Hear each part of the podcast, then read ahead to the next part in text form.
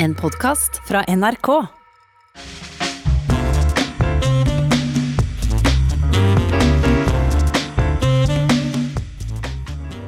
Trondhjem, Trondhjem, noe er rett forstår deg, du min barndoms aller største venn.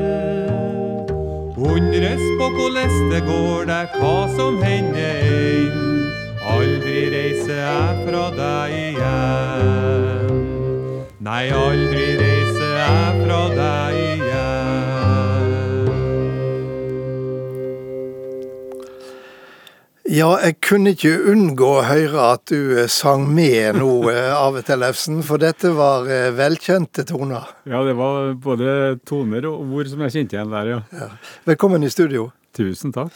Og for de som er i tvil, eh, vi hørte Ørnulf Holte her i Trondheim, Trondheim atterreist fra deg. Men vi skal snakke om en litt annen form for musikk. For eh, han Kåre Ørnung og jeg, det er den trønderske tittelen på et musikkalbum med ei spesiell historie. For da det kom ut tidligere i år, så var det gått nær 34 år siden det ble spilt inn. Opptakene som ble gjort i 1986 ble borte, men så funnet att mange år seinere. Men skal vi tro anmeldere og kritikere, så er ikke musikken svekka av lagringstida, snarere tvert om. For æ i tittelen, det er du, Arve Tellefsen. Og hvis vi skal nøste opp historia som på samme tid er både god og litt trist, da skal vi tilbake til 2007. Og en morgen så er Kåre Ørnung på tråden til deg med gode nyheter. Ja, det var i hvert fall overraskende nyheter, da. Kåre ringte meg og sa at uh, han hadde funnet Han drev og rydda opp, da. Og, og mm, så fant han en kassettspiller. Det- Folk i dag vet jo hva det var for noe, men Jo, lytterne våre gjør det. Ja, de gjør det? Ok. Jo da, inni den kassettspilleren så var det en, eh, et bånd da, som, eh, så, som han måtte høre på for sikkerhets skyld før han kasta det, og sånt, for han drev og rydda, som sagt. Og, eh, nei, og så hørte han eh, kjente toner, da, og så fant han jo fort ut at det var, var han og meg som spilte. Og, eh, og så syntes han det var veldig bra òg. Um, og da ble det fyr og flamme, og, og men da, når det ringte meg, at det der var et opptak vi gjorde i Rosenborg studio. Altså det er ikke, ikke Rosenborg i Trondheim, det er Rosenborggata i Oslo, da. Det var et studio i gamle dager. Um, jeg huska ingenting av det, altså. Men Kåre huska mer. Og så, så hørte vi gjennom det, da, begge to. Og jeg må si at jeg var litt enig med Kåre at det var forbausende bra. Eh, vi pleier ikke å skryte, vi trønderne, men akkurat det der syns jeg var greit. Um, men så sa jeg til Kåre men i all verden, hvorfor, hvorfor ble det ikke gitt ut der, da? Nei, jeg mener å huske sånn at du var misfornøyd med fiolinlyden. Ja, Det kan godt tenkes, jeg, for det er jeg jo bestandig. Så, men der, derfor så ble liksom det lagt på is. og Eventuelt skulle vi gjøre det om igjen, men det ble aldri gjort om igjen. Men så begynte jo detektivarbeidet, da. Så, og der fikk vi hjelp av Sigmund Groven og, og Jan Erik Kongshaug. Eh, For det viste seg til slutt at det var Jan Erik Kongshaug som hadde tatt opp det, men han huska ikke han det. Men til slutt så øh, ga det frukter det detektivarbeidet, og så fant vi originalen på Nasjonalbiblioteket oppe i Ja. Mo i Rana, eller Mosjøen. Så der, der hadde dette lagt og godgjort seg i, i, i alle disse åra, uten Ja. tanke på utgjeving. Ja. Eh, Sigbjørn Groven, som du nevnte, Ja. eh, framifrå musiker og Ja. svært mye annet, og musikkformidler, Ja. han, han eh, skrev jo at eh, da han hørte dette, så ble han helt slått ut av det fantastiske spelet av de to parhestene. Begge to, skriver han, på toppen av sine karrierer med et, et forrykende og bergtakende samspill. Det er ikke verst. Nei, det var bra, særlig når det kommer fra Sigmund øh, Groven, som jeg, som jeg, har, som jeg beundrer stort som musiker. da. Kåre Ørnung, han gikk jo bort i 2013 2013, så han fikk ikke Ja. oppleve at denne innspillinga nå er. Er det ei litt sånn trist side ved saka? Ja, det var litt trist, det, altså. For at uh, Kåre ble veldig syk her da, for noen år siden. og så han gikk bort, og det var sørgelig, for at han skulle absolutt ha hørt den innspillinga her. For at eh, vi spiller Jeg må nok si at vi spiller bra hver for oss, men eh, det som kjennetegner kanskje det her eh, mer enn eh, noe annet, det er at vi er så til de grader samspilt. Og det er ikke fordi at vi har øvd så mye. Vi har øvd, selvfølgelig har vi øvd. Eh, Men eh, det er først og fremst det at vi spilte det her stykkene på så mange konserter. Så vi fikk, altså, og da blir du på konserter blir du tross alt enda mer konsentrert enn eh, når du har øve og sånt. Så um, Du har eh, sagt at, at rollefordelinga mellom Kåre Ørnung og deg ble fort eh, klar. Han var den som ikke ville snakke til publikum fra scenekanten, og det ble din jobb. Ja. Men litt overraskende for de av oss som har eh, hørt på deg i en del tiår nå, så skriver du at du egentlig var ganske redd du for å snakke fra scenen. Jeg var vettskremt. For jeg spilte jo da med Robert Levin og, og Kjell Bekkelund og sånne Veldig verbale pianister. veldig verbale. De snakka jo i ett kjør. Og, og jeg var glad til, for at så slapp jeg å si noe. Og begge var kjempeflinke på det. Men eh, så når jeg da begynte å spille med en Kåre, så Han nekta rett og slett å si et steina ord, han fra scenen. Men det rare med Kåre Altså rare, det er jo ikke noe rart, men det var at han bak scenen altså Ellers så var han veldig treffsikker med replikker som satt som et skudd. Men, eh, men på scenen der var han, det han bestemte seg for. Der skulle han aldri snakke, nei. Så det, da måtte jeg gjøre det. Og første gangen dumma jeg meg ut med, med en gang. Jeg begynte å snakke feil og alt mulig. Og så merka jeg at publikum de likte at jeg snakka feil. så da, etter hvert så begynte jeg å legge inn feil med vilje. For det, det var det som slo an når jeg snakka feil. Var det, var det like minutiøst innøving av feil som av alt det andre du, du, du har bidratt med? Faktisk, altså. Eh, Vi, vi jobba inn feil, ja. Jeg spurte Kåre til råds, kan jeg si det? Ja, men det er jo helt feil. Så. Men det er bare, det, da er det fint du sier det. Vi eh, er ikke over med vår samtale av Tellefsen, men, men vi kan ikke snakke om musikk uten å spille den. Og vi har valgt ut ett eh, kutt med tittelen 'Banjo and Fiddle'. Hvordan vil du eh, introdusere det musikkstykket? Nei, det er et sånt showstykke som er virtuost, og eh, en fiolinist som jeg beundra veldig, da, som heter Yasha Haifetz, han spilte jo den eh, så fantastisk. Så Kåre og jeg vi fleipa med det at, vi, at jeg skulle en eller annen gang så måtte jeg kunne klare å spille like godt som Jørsa Haifetz.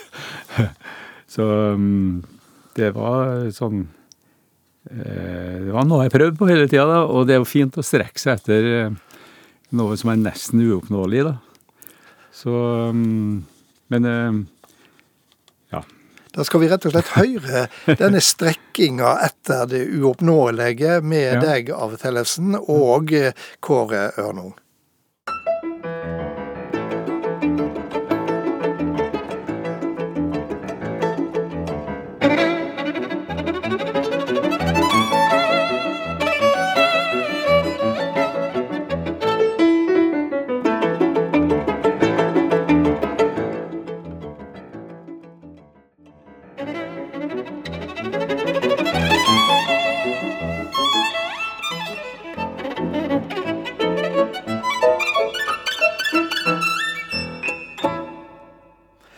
Ja, slik eh, hørtes det altså ut når eh, Arve Tellefsen holder på å strekke seg eh, mot det uoppnåelige, og når det.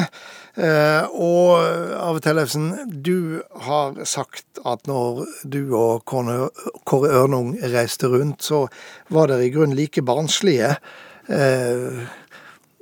Ja, hva legger du i det? Nei, vi var barnslige. Vi hadde jo veldig hyggelig sammen. Og begge ble sur hvis eh, konserten gikk dårlig eller noe sånt. Og, og, hvis det, maten på hotellet ikke var særlig bra og sånne ting, men, eh, men eh, vi, når vi fant hotellene, så lekte vi jo etter om det var noe sånn ishockeyspill eller noe sånt. Noe, noe sånt så vi kunne, kunne eh, få gi utløp for, vår barnslighet. Og sånt. Så vi drev og konkurrerte på alle mulige måter hele tida. Svømmebasseng og sånne ting. Da, da hoppa vi ut, og ingen av oss som kunne svømme.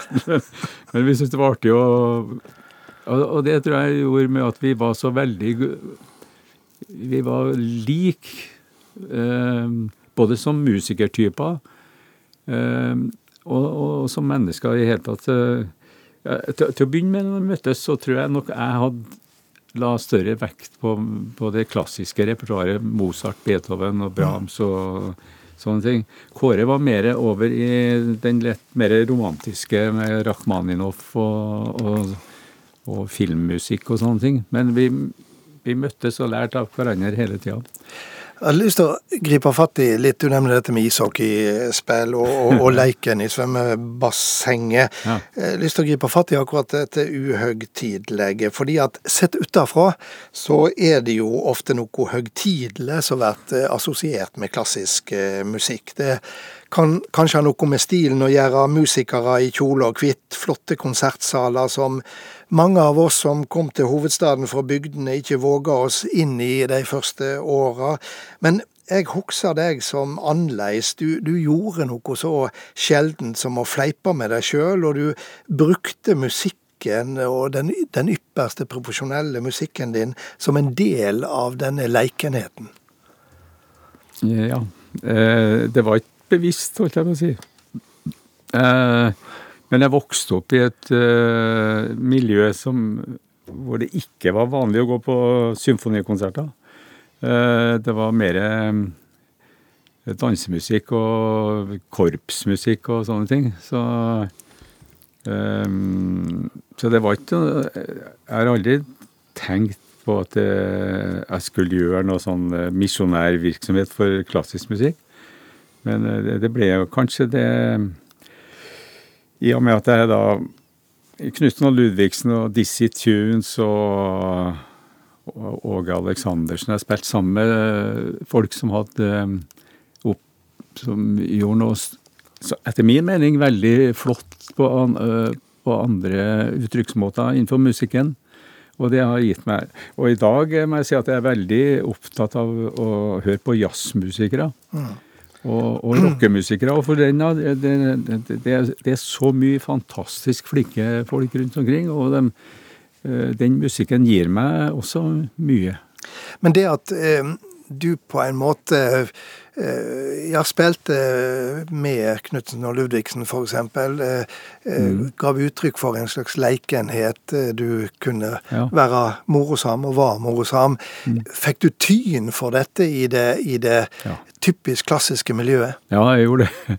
Jeg ble skjelt ut av en del kolleger, ja, faktisk. Så eh, jeg skal kanskje være forsiktig med å nevne navn, da, men eh, det var i hvert fall en, en av mine kolleger, pianist, som skjelte meg ut og sa at det og Særlig når jeg spilte inn en plate med synthesizer òg. Og det var jo forferdelig stygt, eh, mente de. Altså, de hadde jo aldri venta seg noe sånt av meg, da. Så, men året etter så spilte vedkommende pianist inn plate med Vazelina Bilopphøggers. så, så det gikk ganske fort, det der med at det var De oppdaga at det, det fins jo artig musikk eh, utenom eh, Beethoven og ja, Beethoven er artig, han òg, men, eh, men for meg så er det ganske naturlig, og like naturlig å spille Knutsen og Ludvigsen. Ikke like naturlig, nå tuller jeg. Men eh, jeg, for, fortsatt så er det for meg Brahms og, og Sjostakovitsj og sånt det er det største jeg vet om innenfor musikken. Men det er så mye andre ting som jeg er nysgjerrig på å høre og, og spille sjøl også. Så nå har jeg begynt å ta timer i jazz, jazzmusikk. Jeg prøver å lære meg litt eh, jazz. Ja, og det gjør du i såkalt godt voksen alder. Ja, jeg er akkurat like gammel som kongen. Altså. så, Det er jo ingen hemmelighet at eh, du er en, eh, en veldig ivrig Rosenborg-fan, og du har vært opptatt av fotball. Du har spilt eh, fotball. idrettsutøvere og klassisk musikk, ser du likskaper her i den iherdige øvinga, terpinga på detaljer, og ikke minst disiplinen som skal til for å nå toppen og holde seg der? Ja, jeg har jo min gode venn Nils Arne Eggen, vi har jo snakka mye om det der, da. Og til å begynne med, når jeg nevnte det her, er jo mange år siden jeg nevnte for Nils Arne at jeg, jeg syns de skal øve litt mer i Rosenborg. Altså ikke bare trene, for det er veldig forskjell på, på trene og øve. Altså øve på detaljer og sånn. Så Rosenborg begynte jo med det. Han kom jo til meg en dag Nils Arne, og så sa han at nå kan jeg glede deg med det at nå har vi innført uh, fotballetyder i Rosenborg. Så nå skal vi øve på uh, sånne spesielle ting. Og det ser jeg i dag, at de klubbene og de fotballspillerne som er virkelig gode Jeg kan ta Bodø-Glimt som eksempel i år. da. De har øvd. Det er innøvde trekk, ikke sant? istedenfor bare å pole ballen i hytt og vær, sånn som norske landslaget gjorde i går. ja, det kan mye tyder på at både landslaget og Rosenborg nå trenger litt fotballetyder. Ja, helt klart. Nå går det an til å si at, eh, at idrettsutøvere de holder seg på topp noen få intense år, men du har holdt deg på toppnivå hele livet. Vi skal avslutte med et spor med deg og Kåre Ørnung. Han Kåre Ørnung og jeg, nettopp fra eh, den, det albumet som er utgitt nå. Og det er ei sang med Knutsen og Ludvigsen, der dere begge to faktisk synger ja. i tillegg til å spille. Ja, og Kåre, Kåre han sang jo i guttekor da han var ung. Det har ikke jeg gjort, det, det hører du veldig godt. Men eh, Kåre var faktisk, det er helt riktig, han ville bli fiolinist når han var guttunge. Men faren hans spilte også fiolin, og han tvang Kåre til å øve på å bli pianist, sånn at han kunne akkompagnere far sin. Så det, Han ble tvunget av far sin. Så, så det er sann historie. Han ville spille fiolin. Da skal vi høre på den sanne historien med Kåre Ørnung og eh, Arve Tellefsen. Tusen takk for at du kom, Arve. Kjempehyggelig. Takk.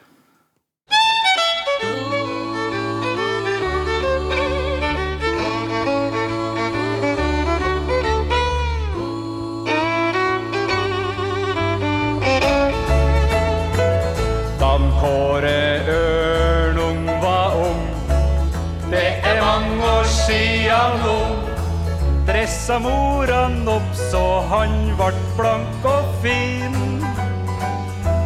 Men han sa la meg slippe fler pianotimer nå. Jeg vil mye heller spille fiolin.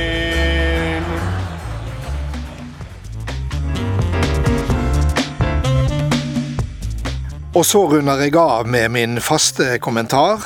Her er denne vekas Stang inn, stang ut. Det var et eh, fiffig grep eh, Fredrik Solvang og hans redaksjon i Debatten her på NRK gjorde da de i går laga norsk statsministerduell etter mønster av de amerikanske presidentduellene. Kulissene var like, det samme var programlederens plassering og rolle, og selve opplegget var en kopi av det vi så under debatten mellom Donald Trump og Joe Biden fra Cleveland i rustbeltestaten Ohio. Men der slutter også likskapen. For eh, Erna Solberg og Jonas Gahr Støre kan kunsten å føre en sivilisert debatt. En politisk samtale det er mulig å verte litt klokere av. Ikke av de den er tannløs eller mangler spissformulerte replikker, men fordi den bygger på to avgjørende ting. Ei nokolunde sams forståing av virkeligheten og respekt for den andre som politisk motstander. Debatten i Cleveland kommer til å bli stående som et skrekkeksempel på det motsatte. En debatt da USAs president tok ut det verste i seg sjøl, og der hans motstander noen ganger lot seg lokke til å svare med samme mynt. Det var ei uverdig forestilling. Vanligvis trenger de ikke bekymre oss her hjemme at en debatt på den andre sida av Atlanteren går over stag. Nå bør det gjøre det. Ganske enkelt av de vi denne høsten ser verdens viktigste demokrati i ei utgave som har trekk fra en parodi på nett dette demokratiet. Det er ei skummel utvikling av de det tapper så mange for tillit til demokratiet som system. Det spiller opp mot det ytterliggående, det øker forakten for politikk og politikere, og for mange viser det fram det håpløse i styringssystemet og hos de som sitter på toppen i det hierarkiet. Så skal ikke jeg falle i den fella og svartmåle alt i USA og male rosenrødt det meste her hjemme, for så enkelt er det ikke. Men jeg er overtydd om at et politisk klima der skjellsord, grove karakteristikker av motstanderen og ei konsekvent undergraving av sjøl de enkleste fakta er forelegg for demokratiet som system. Slikt er jo demagogens arena, der det ikke er så nøye om noe er sant eller usant. Slik blir borgerne bare brikker i et rått spel der alt handler om personlig maktutfalling. Nå er det mye kritisk å si også om norske politikere, men de tar i alle fall hverandre stort sett på alvor. De har respekt for hverandre, og de viser fram ei virkelighet som er til å kjenne att. Vi ser ofte ikke betydning av slikt før vi står i fare for å miste det. Det viser USAs store eksperiment med å sette ei reality-stjerne uten dokumentert impulskontroll i nasjonens førersete. God helg.